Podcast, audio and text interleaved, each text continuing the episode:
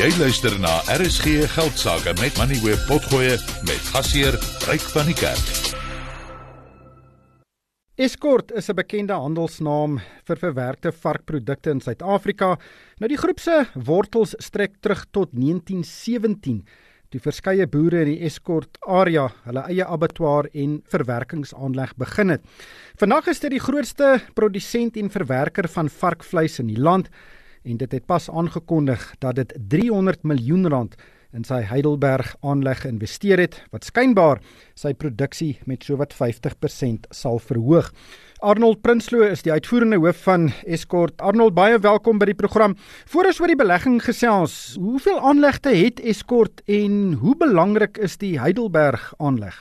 Heidelberg aanleg is baie belangrik vir ons. Dit is ons primêre aanleg waar ons varke slag en ontbeen en dan stuur ons van die vleis na Escort se fabriek toe. Ons het twee fabrieke, die Heidelberg fabriek en dan die Escort fabriek in KwaZulu-Natal.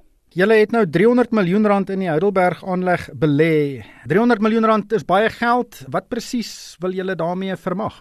Dis reg. Ons slag op die oomblik 6500 varke 'n week en ons droom is om 9000 varke te slag. So die beplanning is om teen die einde van die jaar 7500 varke te slag en dan geleidelik op te gaan na 9000 varke toe.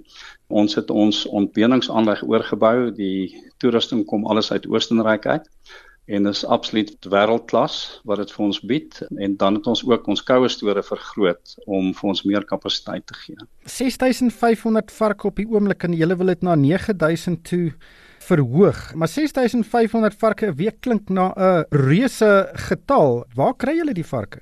Ons kry die varke basies by twee van ons aandeelhouers. Hulle is twee groot boere in die land en hulle het plase rondom Pretoria, Bronkhorstspruit en dan settlers naby Bella Bella. Maar ek neem aan die rede hiervoor is dat die vraag na varkvleis en varkprodukte toegeneem het. So kan jy miskien net vir ons verduidelik hoe het daai vraag toegeneem en hoekom jy dink dit het? Ryk dit het geweldig toegeneem as gevolg van die duurprys van beesvleis. Ons kompeteer natuurlik met bees en met hoender. Maar vark is ongelooflik veelsidig en ons het in die afgelope paar jaar het ons 25 van ons eie winkels oopgemaak en dit dryf ook deel van die groei. En varkvleis is die mees populêre vleis of die verbruikte vleis in die wêreld.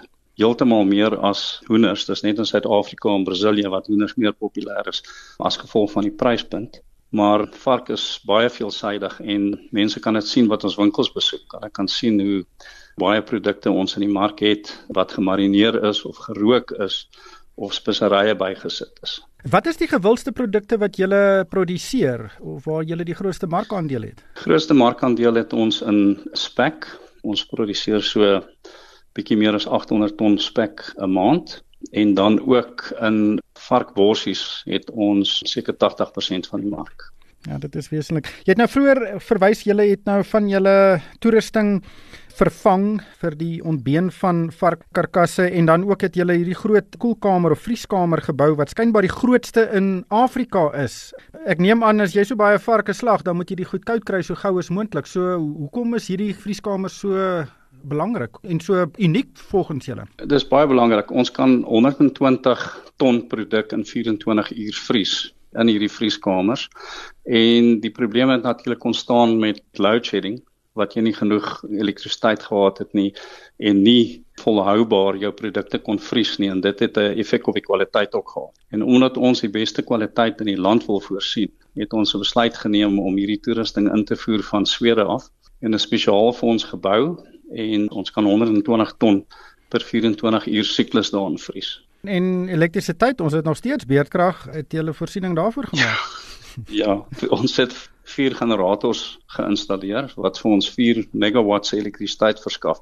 Dit is so gelykstaande aan 800 huise se krag wat ons in die fabriek opwek en genoeg krag vir ons deurentyd voorsien. En hernubare krag was seker nie werklik 'n opsie nie. Nee, want jy kan nie genoeg krag opwek. Met jou bevriesing vat ongelooflik baie krag. En daarom kan jy dit nie net doen met sonpanele byvoorbeeld nie. As baie negativiteit in Suid-Afrika, baie ondernemings het basies hulle beursies toegeklap en gesê hulle gaan nie in hulle besighede belê voordat daar nie miskien bietjie meer politieke sekerheid het nie. Hoe swaar het daardie oorweging gelê toe julle nou moes finaal besluit in die direksiekamer om nou daai cheque vir 300 miljoen rand te skryf? As entrepreneurs moet jy altyd positief bly en ek sê altyd jy moet slimmer en vinniger werk as jou oppositie.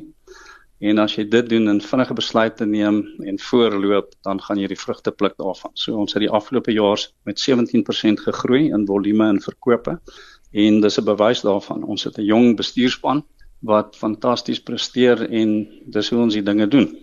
Ja, dis lekker om dit te hoor. So dit is 'n absolute sake besluit in aggenome die ekonomiese en politieke omgewing in Suid-Afrika en julle sien die geleenthede en julle gaan daarvoor.